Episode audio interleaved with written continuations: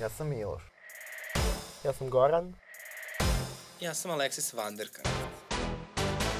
Dad.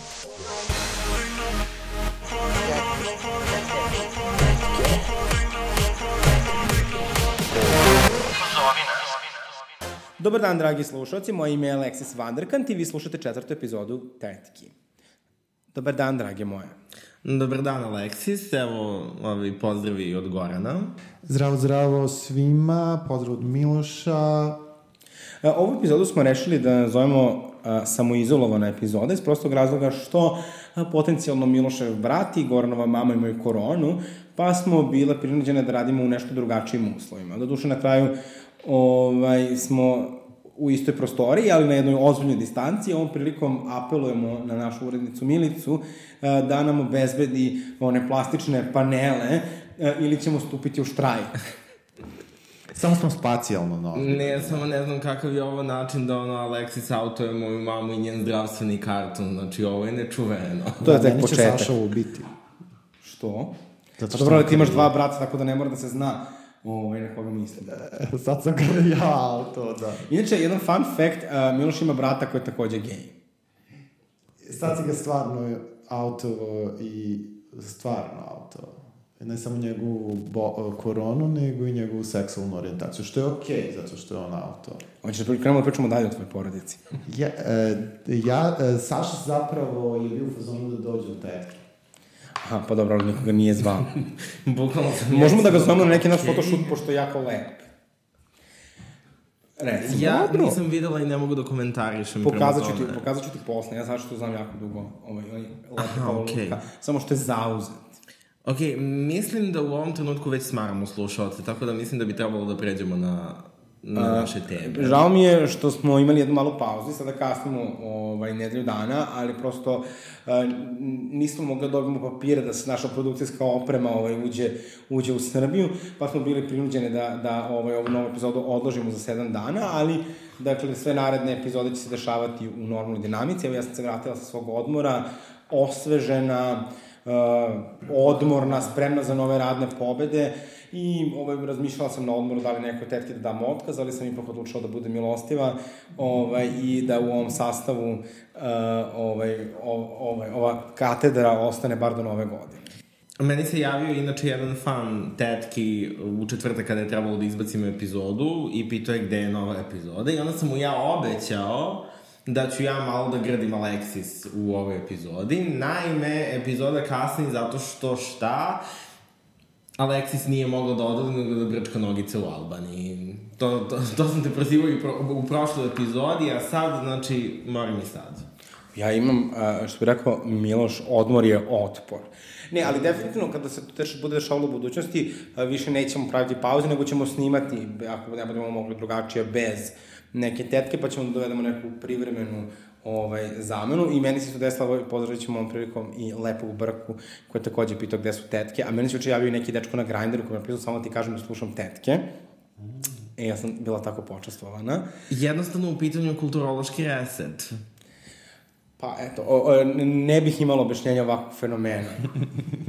Uh, Aleksa, za tebe je vrlo potresna tema. Kako si reagovala kada si čula da u Poljskoj je dodatno zabranjen abortus?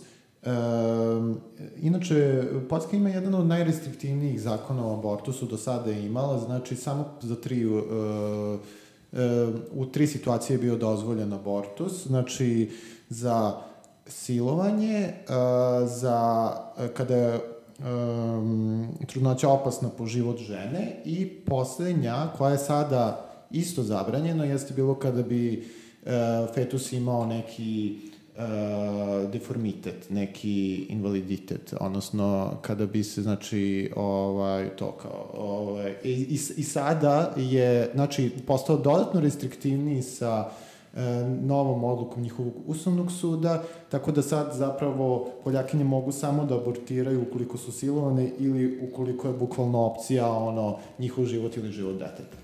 Da, pa ja mislim, ja nisam lagala bih kad bih rekla da sam iznenađena ovom situacijom, jer prosto Poljska dakle, srlja u fašizam već duži vremenski period i nekako moja nada da će ova korona da dokreći Dudu pa da, da mogu malo da prodišu, jer u principu ono što meni nekako najpotresnije tu, što su oni izgubili izbor, dakle druga opcija, pored Dude je bio uh, predsjednički kandidat koji je jako liberalan, koji inače je bio gradonačelnik Poljske, kog sam ja upoznala, baj da bila sam s njim na večeri, jednoj malo veće. Nisam gradonačelnik Poljske. Varšave, okay. Varšave.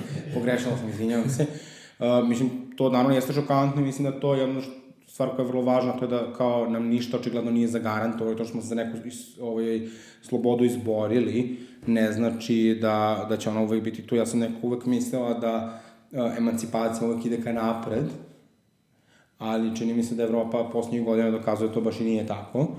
I mislim da je zato jako važno i da budemo solidarni sa ženama u Poljskoj i svim drugim državama i sa drugim marginalizovanim grupama i da se borimo za svoje slobode koje imamo ovde, jer ako pogledamo, mislim da kraj krava i svoje dvorište, dakle Srbija je u dosta goroj poziciji nego što je bila, vidimo da je upravo i ova tema probudila o, po, mislim, ja sam videla toliko muškaraca koji imaju mišljenje o, o tome da treba se zabrani abortus u Srbiji, uh, da, onako, to je možda čak i poprilično poražavajuće. Uh, mm, ne, mislim, čini mi se da to kao kod nas je kao pitanje abortusa dosta kao to neko veliko moralno pitanje. Meni je bila super stvar uh, što je organizovan čini su Sažaca i E, žena u crnom organizovala akciju solidarnosti sa, sa ženama u Poljskoj.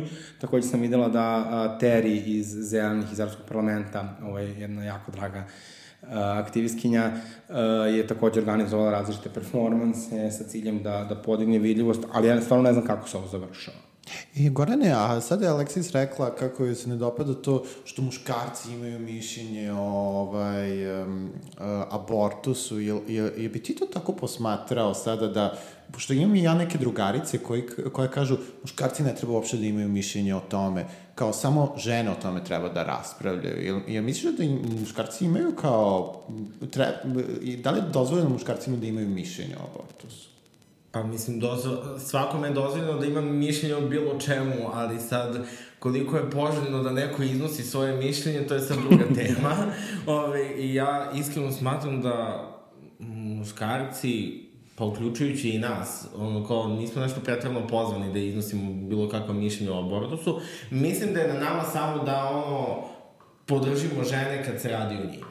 E, I mislim da je to ono, ono, najkraće rečeno.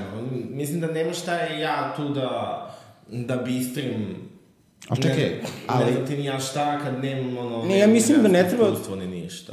Izvini, Goran, što sam ti upala u reč. O, mislim okay. da ne treba e, da samo posmetramo sa te strane, ali mislim da muškarci koji imaju takođe e, pravo na svoje mišljenje, kao tako što mogu da urade vazektomiju, recimo. Uh, mislim da, Isto, da, da možemo da raspravimo i mislim da ne treba to ni samo tako da, da diskutujemo, ali ono što je moj veliki problem jeste što e, mi se čini da e, ti stavovi e, tih muškaraca se ne, ne, ne samo da, da su jako problematični sami po sebi, već i kao nisu im dovoljno informisani. Dakle, mi tu stalno pričamo o, na osnovu nekakvih poluinformacija, da, da, da, da, da otprilike se čak i taj narativ nekako vrti kao da, da žene jesu te mašine za, za, za, za, za reprodukciju, a ja bih samo pitala bilo kog muškarca, kad bi neko trebao da mu, da mu se prikače na 9 meseci i da, da, da, da mu život zavisi od njega i da mora svuda sobom da ga nosi, tvoj organizam prođe kroz jedan proces koji dakle nije samo tako romantičan, da li bi onda mislili da drugi ljudi imaju pravo da, da o tome odlučuju? Pa ja bih samo dodao da, naravno da muškarci nemaju nikakve, ono, imaju nekakve poluinformacije ili ono, ko nisu informisani uopšte, pa mislim, ajde budimo realni, uh, ne da se ne razumiju muškarci u materici, nego ne znaju klitoris da nađu, mislim... Ali znaš kako, uvek su, uvek su žrtva žene. Recimo, ja sećam moje drugarice, uh, koja je, dakle, bila u vezi sa likom, lik je uh, dva puta, ja se njom, ovaj, ali kao dva puta svršnju u nju.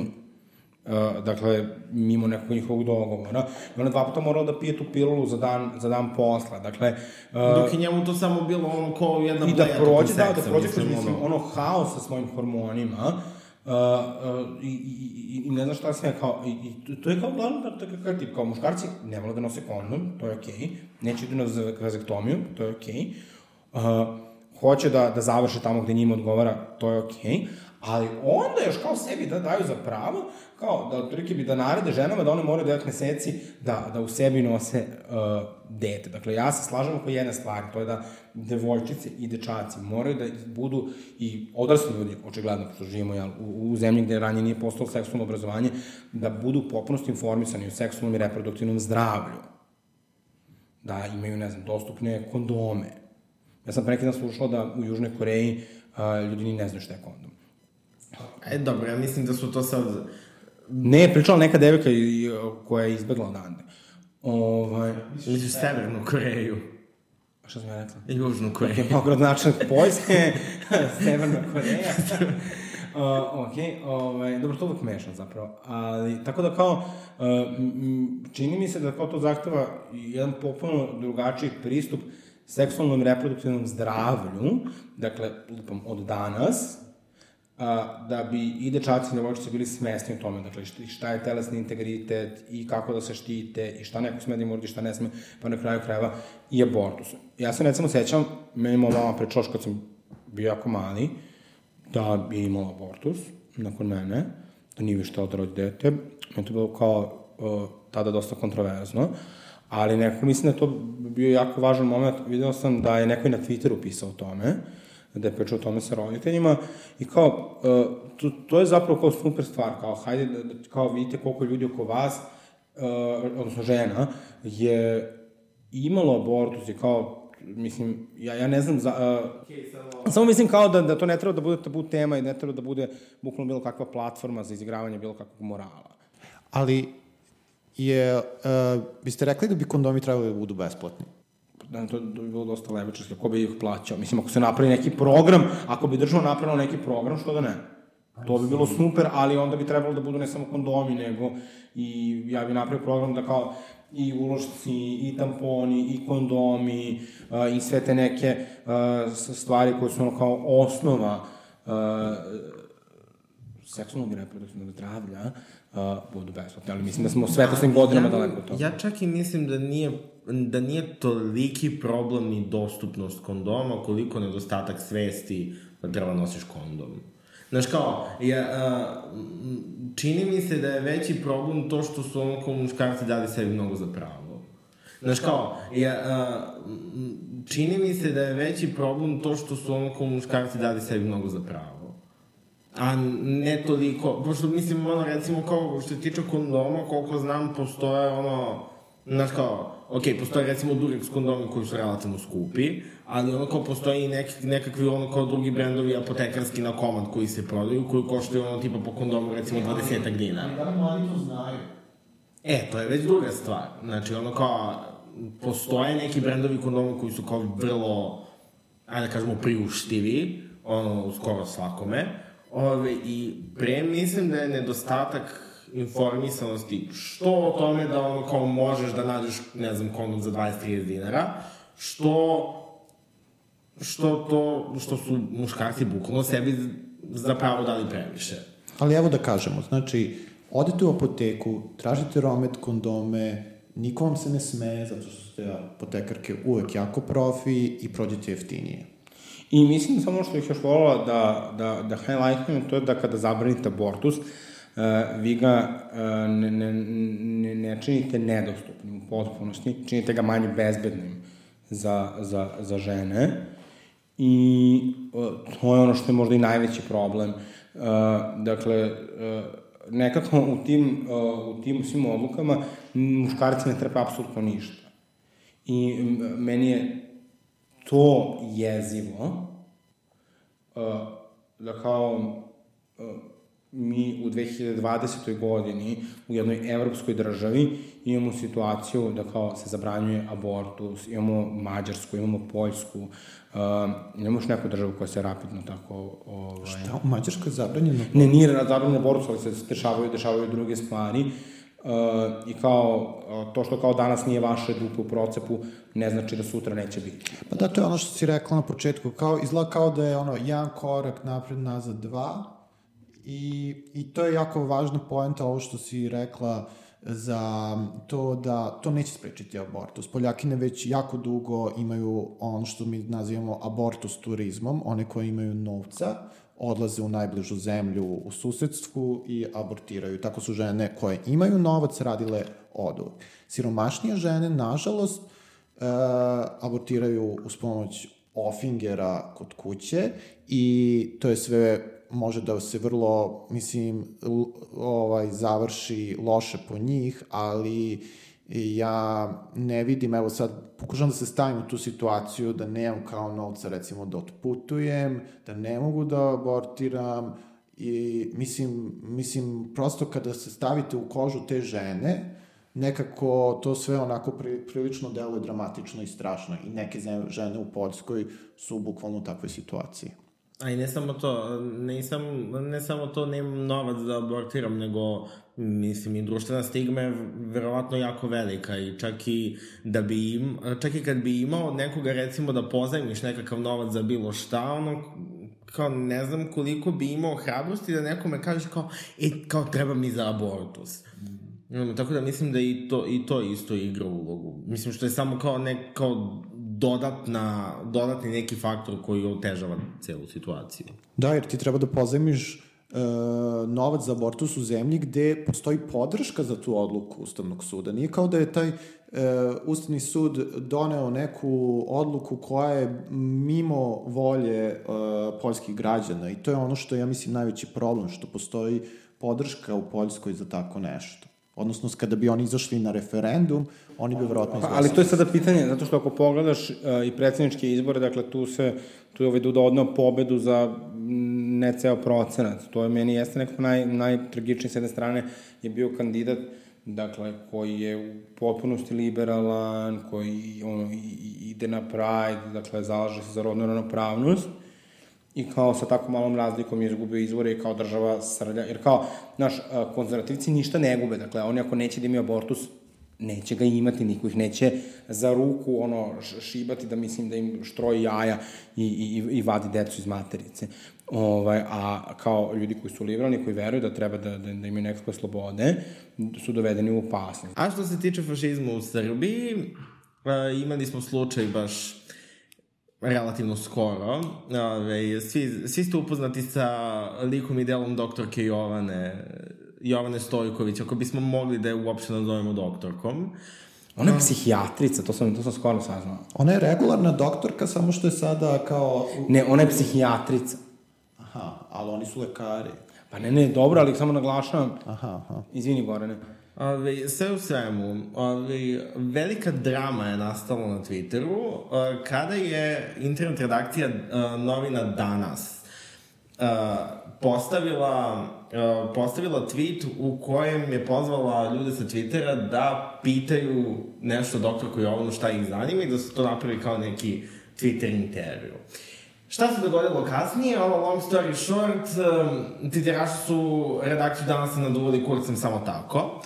E, I danas je skinuo tweet i onda se tu nešto izvinio, ali u tom izvinjenju su se izvinili i, uh, i svojim pratiocima, ali i doktorki Jovani na nesporazumu. Tako da kako vi komentarišete ovaj incident sa Danasom i Jovanom?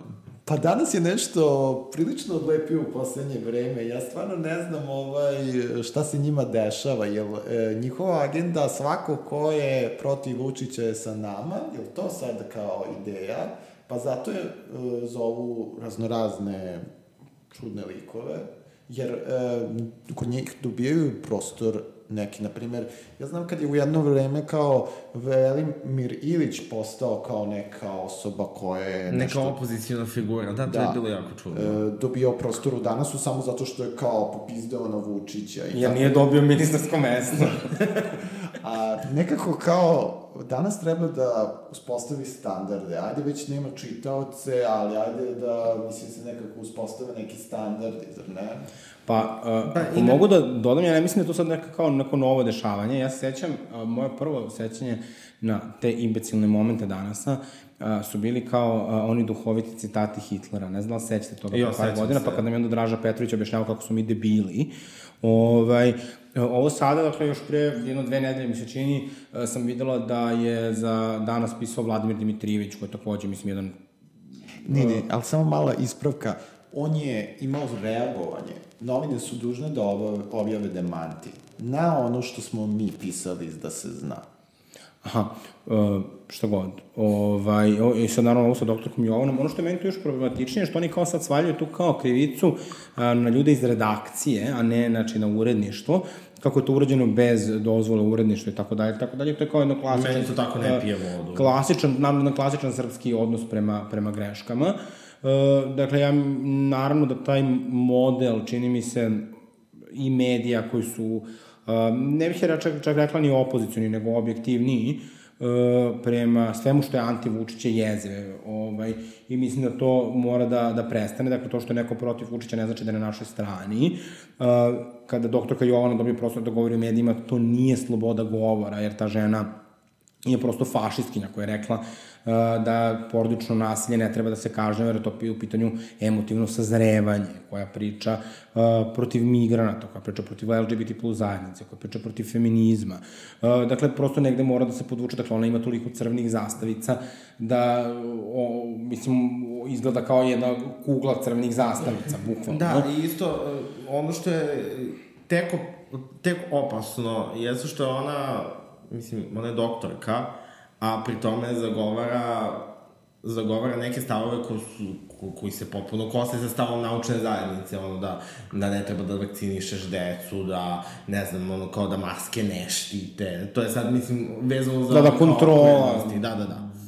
Ovi, tako da je ono, jedan jako problematičan lik. Ali kako vi zapravo percipirate slobodu govora? Da li kao takvim osobama, ovi, ti sad, Aleksa ti sad rekla ono kao da nije sloboda govora dati njoj, dati njoj platformu i ja se iskreno slažem sa time. Mislim, ono, ok, sloboda govora nije da baš kao svakoj budali treba da ono kao daš prostor novinama.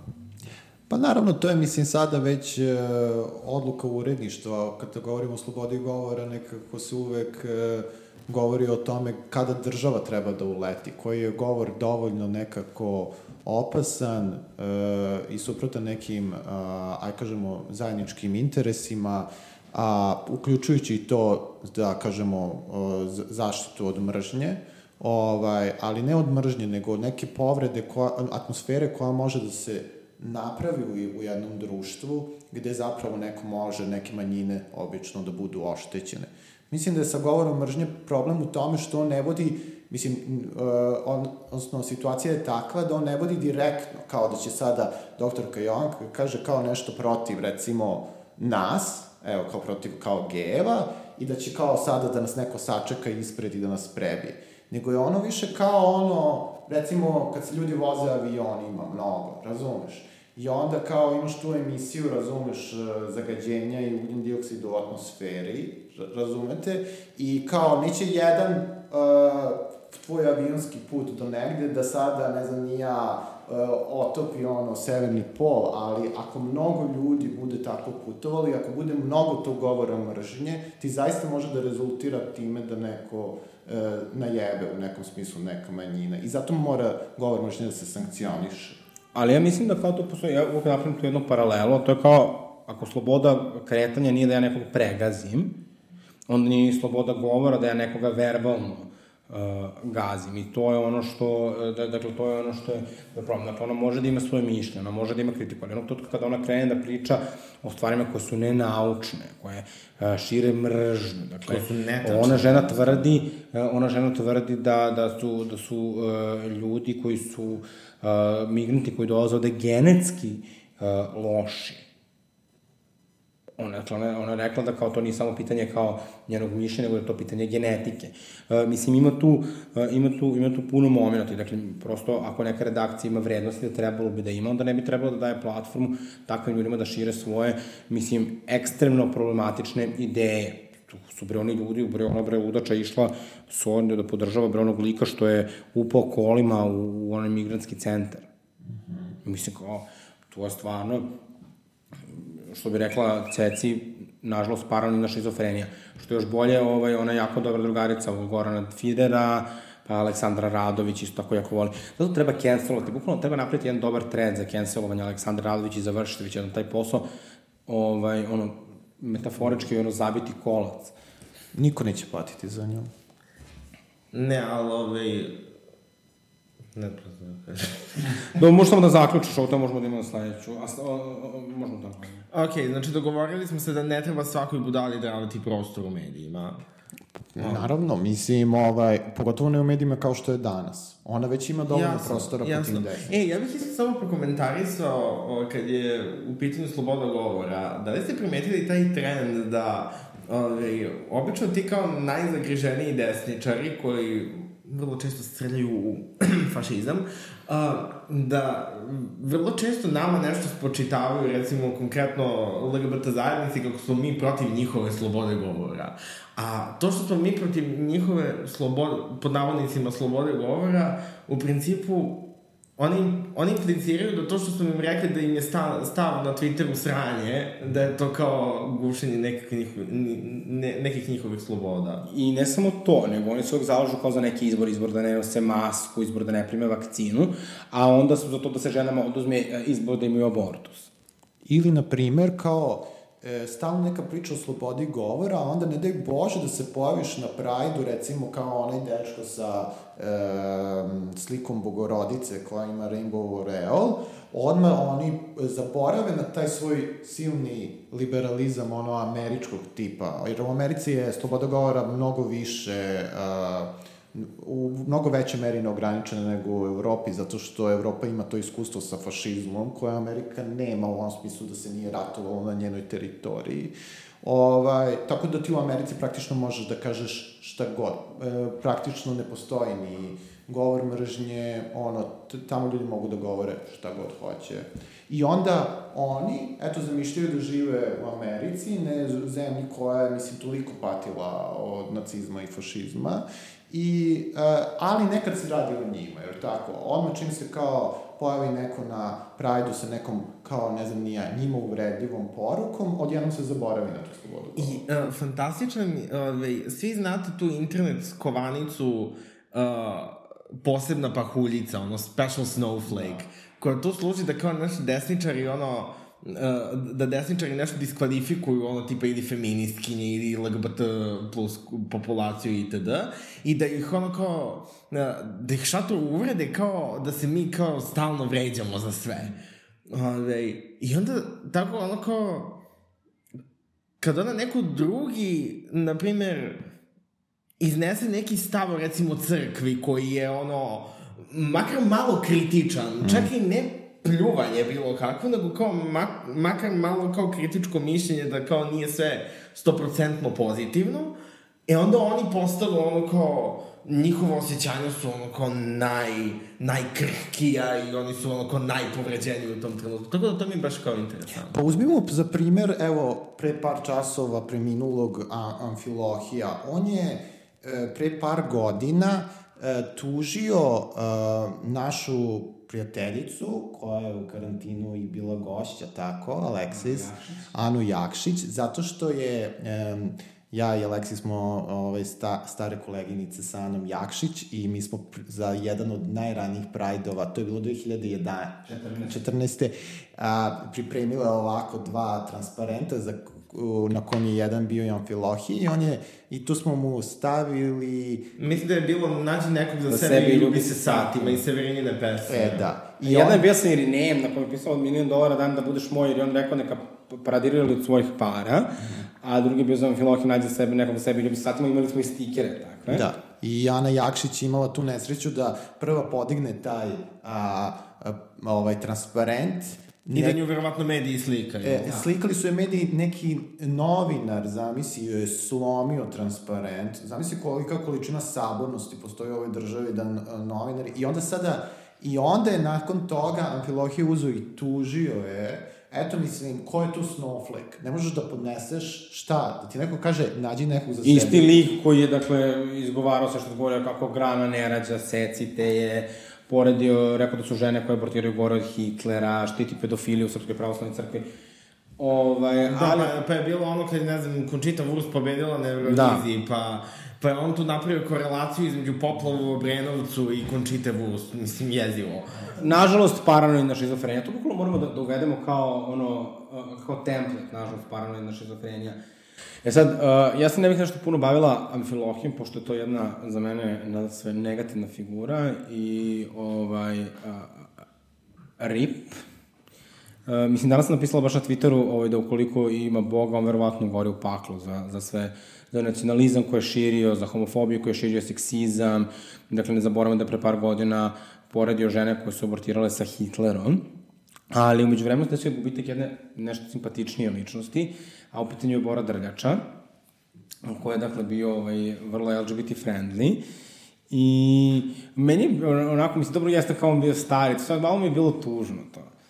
Jo, i meni, ovaj, ali, a šta je meni bilo fascinantno što se tiče Bore Drljača, koliko je on zapravo bio voljen među kao najrazličitijim ljudima, od kad je napravio Twitter, ove, i od kad je postao ta kao neka kao internet figura, koje se kao svi nešto kao divimo. Ove, se primetili koliko ono, znači, koje god kao političke pozicije da si, ono, nekako svima je Bora Drljača draga. Ima onaj meme, Nisi video to? Kao, ne. Pa kao Bora Daljač je sad ovo kao e, politički spektar i onda kao protiv abortusa, kao za LGBT, uh, pa kao nešto malo kao, uh, ove, kao prema ratnim zločincima, nešto, mislim, ne, nešto, ako ja nisam sigurna. No sad Alexis u audio emisiji prepričava mimove, to je... Novo, kao. ne, uglavnom, pojente svega toga da je sad kako su bili, kako su bili njegovi stavovi po drugim pitanjima, uh, ono kao mislim da sam čitala nešto ili čula, ali se sećam da je da bio veliki saveznik da je rekao da podržava registrovano istopuno partnerstvo i usvajanje dece, jer je sam bio dete koje je ostalo bez roditelja. Oh. Ovaj, i, i, i tako neke stvari, tako da, da, mislim, naravno da, da, da bilo žao, nema boljeg od Bore, mada ja od Bore Drljača više volim Lepo Lukić, ovaj, ona mi je uvek bila preslavka, ali i Nadu Topčević. I ovim, ovim putem bismo želeli da poželimo još, još dug, kvalitetan život i Lepoj Lukić i Nadi Topčević. I Veri Matović. U, i Veri Matović, meni je Vera Matović omiljena. Ja nešto volim onu pesmu, uh, pitala sam Popa od Vere Matović. Kad igra sa Denom Nestorović, onim kačavendinim, ovaj, Sugar Baby-em. Ja, znam, uh, ali Vera Matović je bukvalno ono kao neka ono, podgrana folka, ono, ja bih to nazvao porodični folk. A ja mislim, ali on ima kao, to ta pitala sam popa pesma, i baš onako country, kao... Jeste, jeste, ali i, ima tako u turbo folku, ima tako kao ti country momenta, ali da sad ne dužimo, ima recimo Nataša Đorđević, ono, ona tebe ne može da ima. Ove, ali nebitno, to sad da ne skrećemo mnogo sa, sa teme. Ove... Um, ovo, eto, ko nije, uh, da, upravo nam je stigao update uh, da je danas preko već 1500 slučajeva korone i mi, čini mi se da se opet zahuktava ta čitava situacija. Uh, E, nadam se da neće biti fatalno kao i pre. Meni je neko najveći strah da će se uvesti policijski čas i ne to sad samo kao zbog mene, jer kao meni to ne utiče puno na život, ali zbog svih ljudi na čije živote utiče pogotovo ekonomski i mene, mene to baš, baš plaši. Uh, nešto moj brat se kao bavi bankarstvom i onda mi priča, smo nešto pričao o devalvaciji evra i tako da neke stvari uh, znači koje mene toliko zastrašuju. Opet ne toliko zbog mene same, jer kao imam dovoljnu privilegiju da uh, imamo koliko toliko stabilne prihode, ali šta je sa ljudima koji žive od dnevnica, koji rade u kafićima, klubovima, restoranima, uh, ne znam kako, šta vi mislite o tome? Mislim da svako društvo u ovakvim trenucima mora da izabere koga će da zaštiti i ko će biti oni koji će biti sigurni, odnosno šta će biti ono što je E, sigurno, a šta će biti ono što je prekarno i nesigurno. I nažalost mi živimo u društvu u kom su ljudski životi nesigurni, e, gde je ljudska egzistencija nesigurna, e, a kapital je siguran. I, I uvek se gleda da će da se zaštite oni koji imaju najviše i po cenu života na kraju onih koji imaju najmanje. I dokle god uh, E, se kao, mislim, društvo prosto ne odlučimo za to da zaštitimo ono život, da ozbiljno shvatimo da je svaki život vredan i da imamo neki minimum za koji, od kojih ne, kojeg nećemo odstupiti, ovaj, do ta će postojati ovakve anksioznosti i svi mi koji smo manje više na dnu ovaj, ćemo biti u strahu.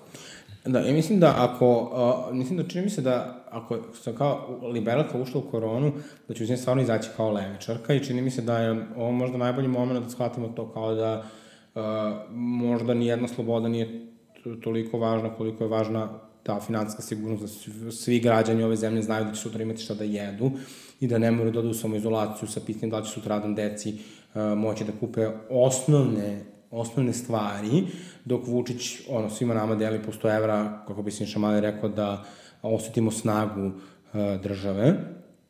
Ovaj, a tih 100 evra za tih 100 evra ćemo svako od nas morati da vrati po 150. Uh, I sad to je super kao uvod u ono što jeste glavna tema ove epizoda, to je ova uh, nova vlada. Posle 40 minuta Da, da. Znaš, dolazimo i do glavne teme. Po, da, znaš, znate ono što bi ovaj, Miljana Kulić i Tijana iPhone ono, polako ali sigurno idemo ka Evropskoj uniji. Slažem se. više, da, ovaj, e, dobro, više polako nego sigurno. E, Ajde, šejde, šejde, šejde nas još malo. Miki je redko duhovit, ali kad je duhovit... Um, e, imamo novu vladu, 11 žena od 23 ministra. Ne sam pročitao. Ne, ovo nije Novi Zeland. Švedska na aparatima. E, Švedska, šta imaš da kažeš na ovo? Um, tako da, eto, e, 50% njih je novo. Um, dobili smo nekoliko novih ministarstava, dva otužna, jedno super, jedno bravo, bravo. A, to je u pitanju je ministarstvo za ljudske i manjinska prava, nešto smo dugo, dugo prežekivali, jer mislim da svaka normalna zemlja stvarno treba da ima ministarstvo za ljudska i manjinska prava i dijalog, tako su nazvali. Ali kao po cenu čega? Po cenu čega? Po cenu ministarstva za kao planiranje porodice?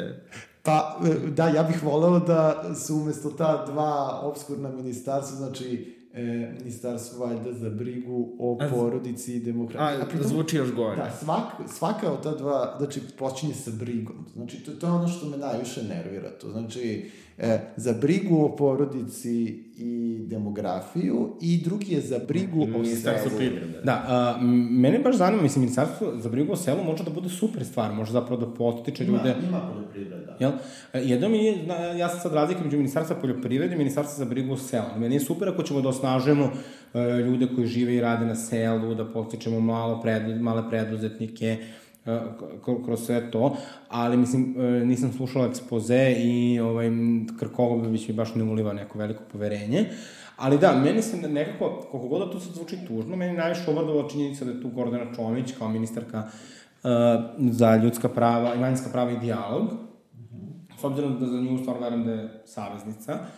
I uh, nadam se da će tako i ostati. Jedno me zanima njena priča zašto se udružila sa, uh, neću koristiti kvalifikacije, ljudima poput Ane Brnabić.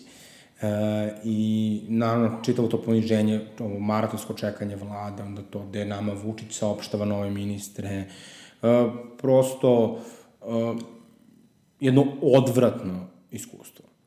Ali, da li, da li uopšte tu postoje dobre vesti? Mislim, da li u ovoj, u ovoj vladi, mislim, kao kakva je, takva je, da li, i to, ok, kao Gordana Čomić, ali koliki će njen zapravo biti uticaj na bilo šta? Kao kad, mislim, kad živimo, u, živimo bukvalno ono, u sistemu u kojem se ono kao Vučić pita za sve koju god funkciju da obavlja. Pa da, ali gledaj, mislim, ne mislim ja baš da se ovde Vučić baš pita za svaku sitnicu. U ostalom, čak i da je napravljeno ministarstvo za ljudska i manjinska prava a, i, i dovedena neka skroz bez veze osoba i to je čak već i jedan korak u odnosu na to samo da imaš kancelariju, jer to znači više lokacije resursa i prosto više ljudi koji će se baviti tim temama, znači na jedan zbiljniji način. A, a onda dovedeš Gordanu Čomić, koja stvarno nije loša. Mislim, ja stvarno ne mislim ništa, ja mislim da ona onaj dobar deo demokratske stranke. I u tom smislu mislim da e, je Gordana Čomić ono, kako kažem, nešto što je mene pozitivno iznenadilo. Mislim, to su kao dva pozitivna koraka. S jedne strane napravljeno ministarstvo, s druge strane dovedena je Gordana Čomić. I naravno da ona neće možda moći da izgura neke džamba stvari, ali to je žena sa kojom ćemo moći raditi. Ja barem E, mislim. mogu samo da kažem jednu novu stvar, pošto mi upravo šporavalo javio da je ukinuta kancelarija za saradnju sa civilnim društvom. Pa dobro, možda će to da preuzme e, Je ovo ministarstvo. sad neki kao poslednja vest. E, Bukvalno, evo kaže, a, preneta nadležnost na, aha, na čomički na ministarstvo da ikakve procedure, konsultacije i slično. Dobro, okej, to ne zvuči baš toliko loše. Ma da, to je sve okej. Mislim, sada, možda to nije prošlo, ne znam nija kakve, ali ove, ovo obskurno ministarstvo za selo, e, gde, znači, baš te pitala Aleksa kako će se to razlikovati od ministarstva za poljoprivredu. Zato što će ono bukvalno da radi onaj najgori konzervativni, tradicionalistički, ideološki rad. Znaš, bukvalno će finansirati one neke projekte kao e, gusle, e, ne znam, nija Nemanjići... E, Kakve zime nema nići sa selom. ma ne, pa to će biti to, to će biti to nešto kao... Kako to znaš? Daš neku seosku... Da li je ovo levičarska histerija o kojoj pričaju, o kojoj pričaju alt-right uh, aktivisti?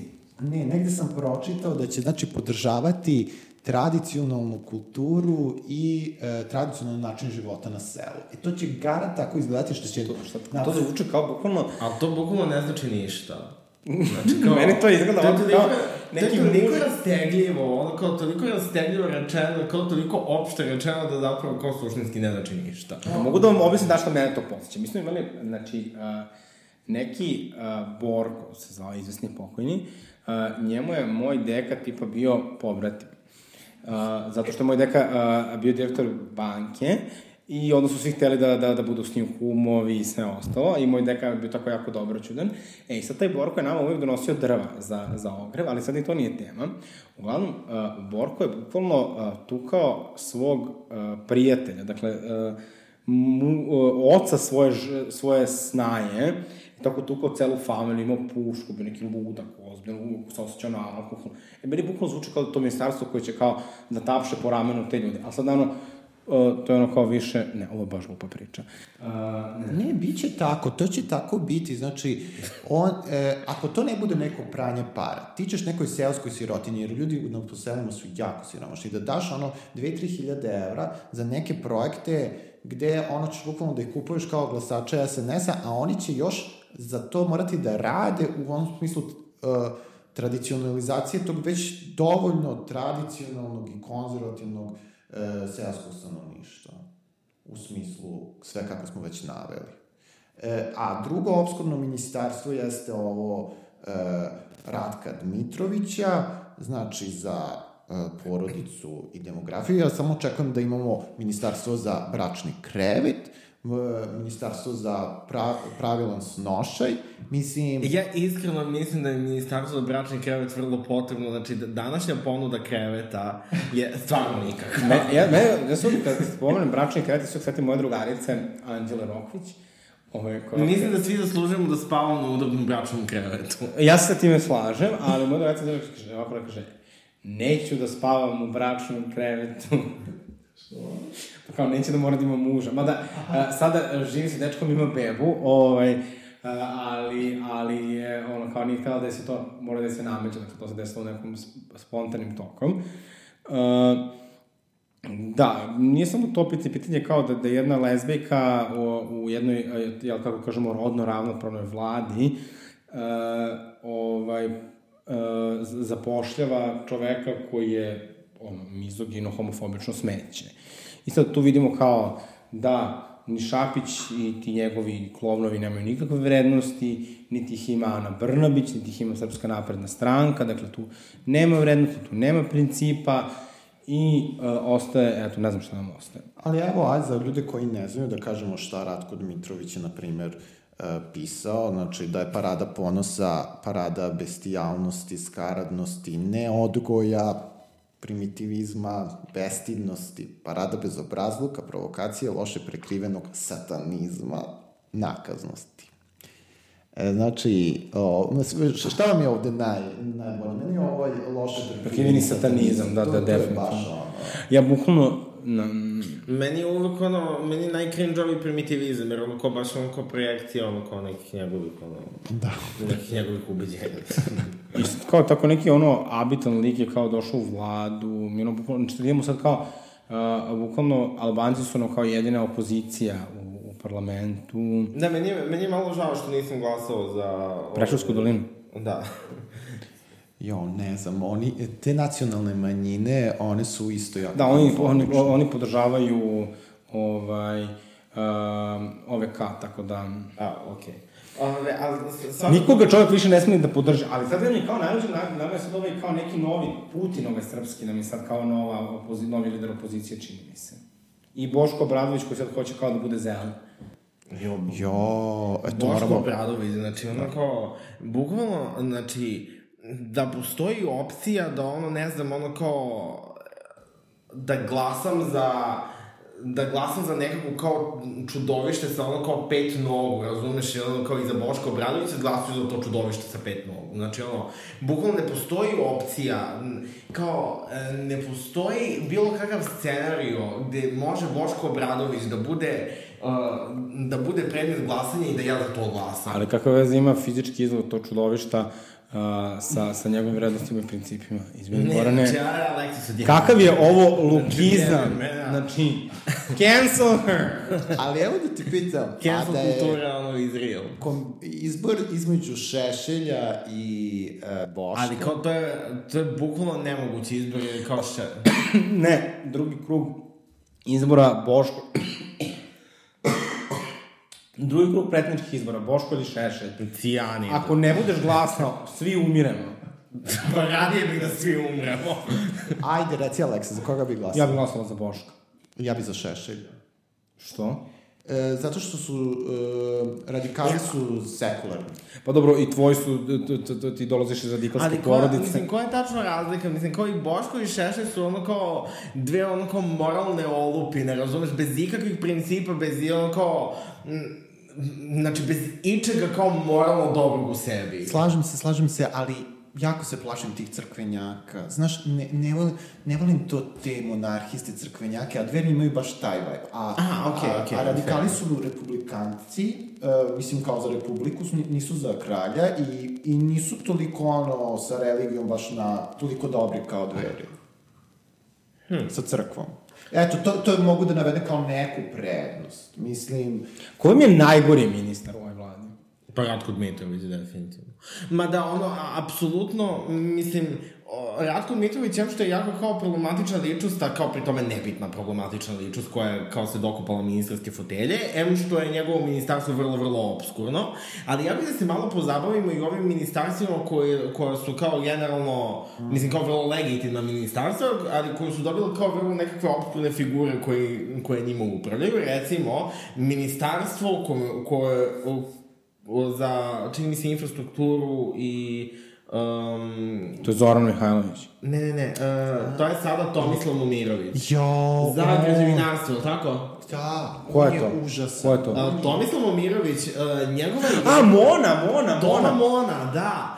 Toma Mona. I, znači, to je, uh, taj lik je glup, nesposoban, znači, uh, nije kompetentan, bukvalno je nekompe, nekompetentan za apsolutno Evo, on je bilo neki šta. libertarijanac. Da, on mrzi minimalac. Znači, Da, on je bio protiv povećanja minimalca, da.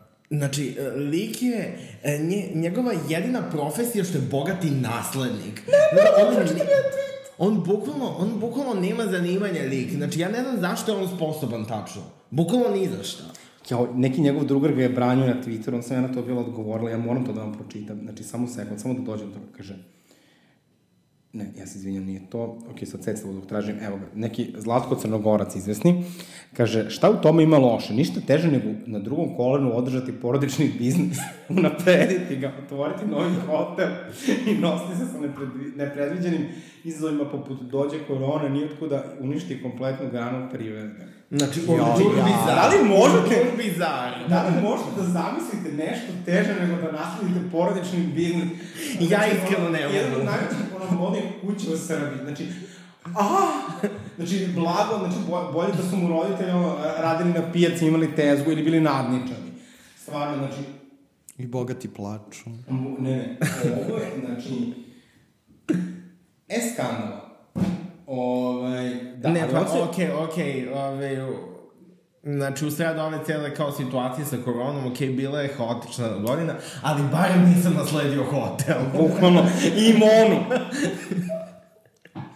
Uh, ne, ne, mislim da to pokazuje bukvalno koliko su ljudi u Srbiji, ne ljudi u Srbiji, zapravo, ljudi će uvek braniti kao neke svoje prijatelje.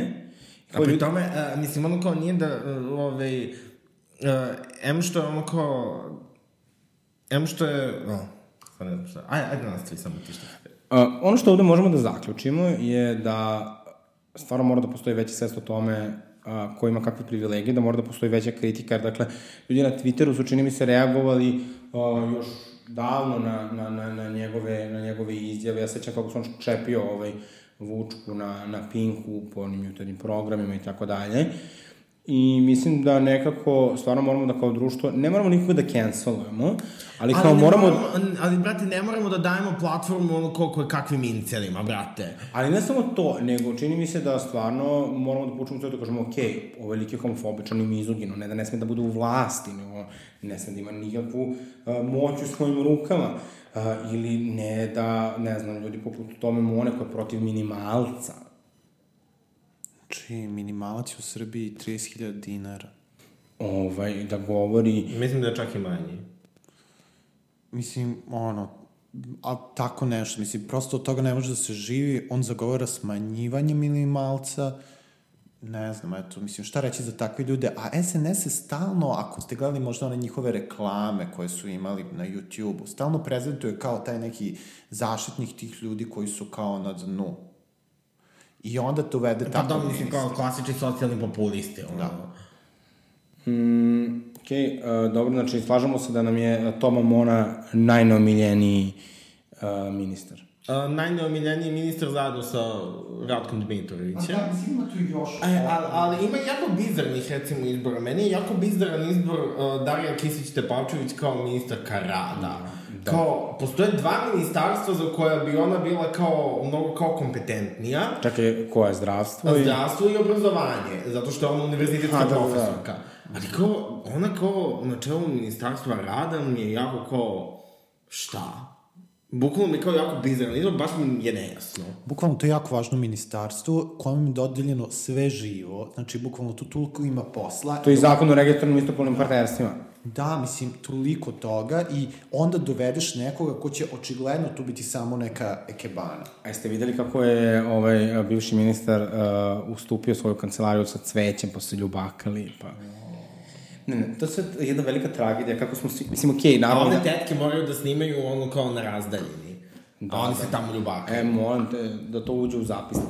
Ovaj, ali ono što meni je šokantno, jeste kako je Darija Kisić nekako bila, uh, kako smo svi obožavali. Mm. Ok, to što smo branili, branili smo od seksizma i to nekako i dalje, Da, i dalje stoji. okej. Ovaj, i kako je bukvalno postala taj kao neki monstrum, ona, uh, ko, ko, koji sada kao učestvuje u čitavom ovom cirkusu. No, bože moj. To bi bio dobar film, onako, kao neki blockbuster, kako, kako je fina žena postala monster. Jedna žena. Ja mislim da bi to bilo, da bi to dobilo užasne kritike. Ma pa da se zove Darija. ne, brate, ne. Ono, Kisić.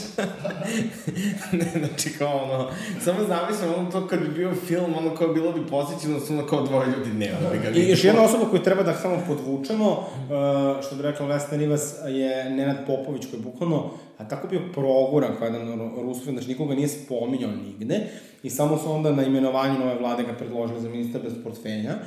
Ovaj, On je prošlo vlada. Da, i bio bio jako homofobičan, dakle to je bila ona afera slikovnice, ovaj, kad je kao njega Brnabić kao, ovaj, ja, fake, mislim, imali su onu kampanju kad je ona kao njega tu nešto, njemu spočitavala homofobiju i tako dalje. Ali nadamo se, ne, ne znam ni čemu da se nadamo, to je ono što je, čini mi se najgore, jer kao, šta može da se promeni do sledećih parlamentarnih izbora? Ja jedino verujem, ako ono može, ne dajmo Beograd da napravi neki prevrat, ali mislim, to je vrlo nerealno, dakle mogu eventualno da uđu u, u sledeću u sledeći parlament, ali... O, ja, ja mislim iskreno da od toga nema vajde ni ulazak u parlament. Iskreno. Zato što ono, no, ne davimo Beograd je vrlo lokalna priča i imaju vrlo lokalnu podršku. I ono, oni, znači oni na prošlim lokalnim izborima nisu ušli u gradsku skupštinu. Tako da ono... Ali imaju građanski front. Sada, recimo, mislim da bi ono, da bi mogli da uđu u gradsku skupštinu, ali, ali ne znam, što se tiče kao parlamenta, mislim da im je to još uvijek preveliki zalogaj. Mada imaju moju punu podršku u svemu. Ali imaju onaj građanski front, dakle, koji se, ne, koji se sastoji iz više lokalnih organizacija i sličnih inicijativa u drugim gradovima, tako da ja mislim da tu još ništa nije izgubljeno i da sad da li pitanje da li će biti na sledećim izborima ili onim tamo, nije to, to, toliko ni, ni, ni, ni ono groundbreaking, ali ja mislim da ne dajemo Beograd ima možda najveći potencijal, oni vjerojatno nikad neće biti uh, partija sa, ne znam, 50% glasova, Naravno, naravno. možda ni sa 20, ali... Ali mislim da, mo, mislim kao, u budućnosti mogu oni da doguraju do parlamente i ja mislim kao im želim svu sreću i ja bih, mislim, ne davimo Beograd je uvek kao opcija za koju bih glasao i na prethodni put kad su oni bili na izborima su, sam i glasao za njih. Ovo su tetke and we endorse this message. Um, sada stigli smo do kraja emisije, treba da glasamo za pravu ličnost. A fuck, Mary Kill? Nemamo vremena. Ali da pređemo na bravo ličnost, jer sad ovako, moja brava ličnost, za ovo, čak više nije bravo ličnost, bravo i po ličnost, pošto su tri nedelje u pitanju, je Kanye West. Uh, zašto? Zato što je on, Kim Kardashian, za njen 40. rođendan, napravio hologram njenog oca, koji se kao obraća i česti 40. rođendan i, i među ostalog kaže kao da se udala za fenomenalnog lika. Uh, I kao, uh, meni to bilo toliko friki da bukvalo to je samo Kanye West mogao da smisli. Ja sam imao komentar da koji ima si tri nedelje da smisliš bravo ličnost i smislio si ovo. Moja bravo ličnost je papa, um, zato što je ipak on najbolji papa i sad je to pokazao. Tako, um, što bi, e, ja bih, ono, jedini papa koji ja priznam je sa ICMC kada kaže ja sam jedini papa koji radi pap Nikolau test. Ove, tako da, uh, meni je ono kao apsolutno, znači, Sajs je jedina ono kao poglavarka koju se ja divim. Ali znate zašto sam ga izabrao? Da, Da, znam, znamo da, to. da, ali kao, nakon ove cijele priče sa Poljskom i abortusom, mislim da je to stvarno kao baš loš take, ono. Zašto ne? Pa on radi najviše što može. Da ti kako ti imate konzervativne struje u- crkvi, on je ekstra. Ja baš, da sam vernik, bio bi katolik. Katoliku nedeljni slik. Što bi rekla velika pesnikinja Vesna Rivas, evo da smislimo, da vidimo šta je za ove tri nedelje smislio Goran Vojnović, koja je njegova bravo ličnost. E, ovaj, a, moja brava ličnost, to jest ima ih više, ona kao grupna brava ličnost, a, su profesori sa moje katedre za skandinavistiku na filološkom fakultetu. Ovaj, em sam, sam ih odabrao kao bravo ličnost zato što ono kao sam bio red uskoro diplomiram. Ali van toga, Ove, um, na mojoj katedri se dogodila jedna situacija gde ove, um, imamo, imamo jednog studenta, jednog trans dečka studenta koji se autovao profesorima ove, preko maila i od svih je dobio punu podršku i sada ove, ga moji profesori ove, oslovljavaju ga svojim ne, ne više svojim dead name-om i koriste, koriste dobre zamenice. Jo, to je baš prelepo. To sam vidio na Instagramu si podelio. Yes. To je tako jedna Ne, to sam, predivna. to sam ja podelio na Twitteru pre- da se zna odlučio da to podeli na Instagram. Ovaj, e, da, Bez mog pitanja, ali nema veze, volimo vas. Uh, nema na čemu za besplatnu promociju. Uh, I eto, jedna velika, da kažem, jedna velika ljubav za filološki fakultet. Ne, samo za moju katedru, znači ograđujem se od, znači samo za katedru za skandinavistiku, od, ograđujem se od koje kakvih slavistika, ono, opštih književnosti i tako dalje. Ja mislim da imamo pobednika. Da, ja se slažem, evo, I, e, mislim, ovo je naravno shvatiti kao jednu motivaciju da Goran diplomira. Dakle, molim vas, profesori, e, ova lutkica zaslužuje svoju diplomu. Znači, ona svaki dan na Twitteru mislim- promoviše svoju katedru, promoviše kulturu o, o kojoj, o kojoj, na kojoj treba da diplomira. I ja mislim da ona koja je jedna ambasadorka skandinavske kulture, skandinavskog jezika zaslužila tu diplomu već jednom. Kako si rekao da kao da je jedan jedini skandinavski jezik. Nema na čemu, Gorane. Dobro, sve sam mu hvala, Aleksis. Evo i on kaže, baš ste ga probili. Ovaj, pa, meni ovde sad kaže 11, 1 sat 17 minuta, ovo će to biti nešto kraće pošto ćemo editovati, uh, ali hvala vam puno na pažnji i ostanite uz tetke, pratite nas na društvenim mrežama, svi bitni linkovi su u nekom opisu ispod sa koje god platforme da nas slušate. Delite našu epizodu, because Sharing is caring. Ja sam da pravim je. nešto na srpskom, ali nisam uspeo. Moje ime je Alex Vanderkant i zahvaljujem vas što ste slušali Tetke. Moje ime je Miloš, hvala vam. I moje ime je Goran i hvala vam na, ovi, hvala zemljo moja na svih ono kao puno slušanja. Mua! Cmokić.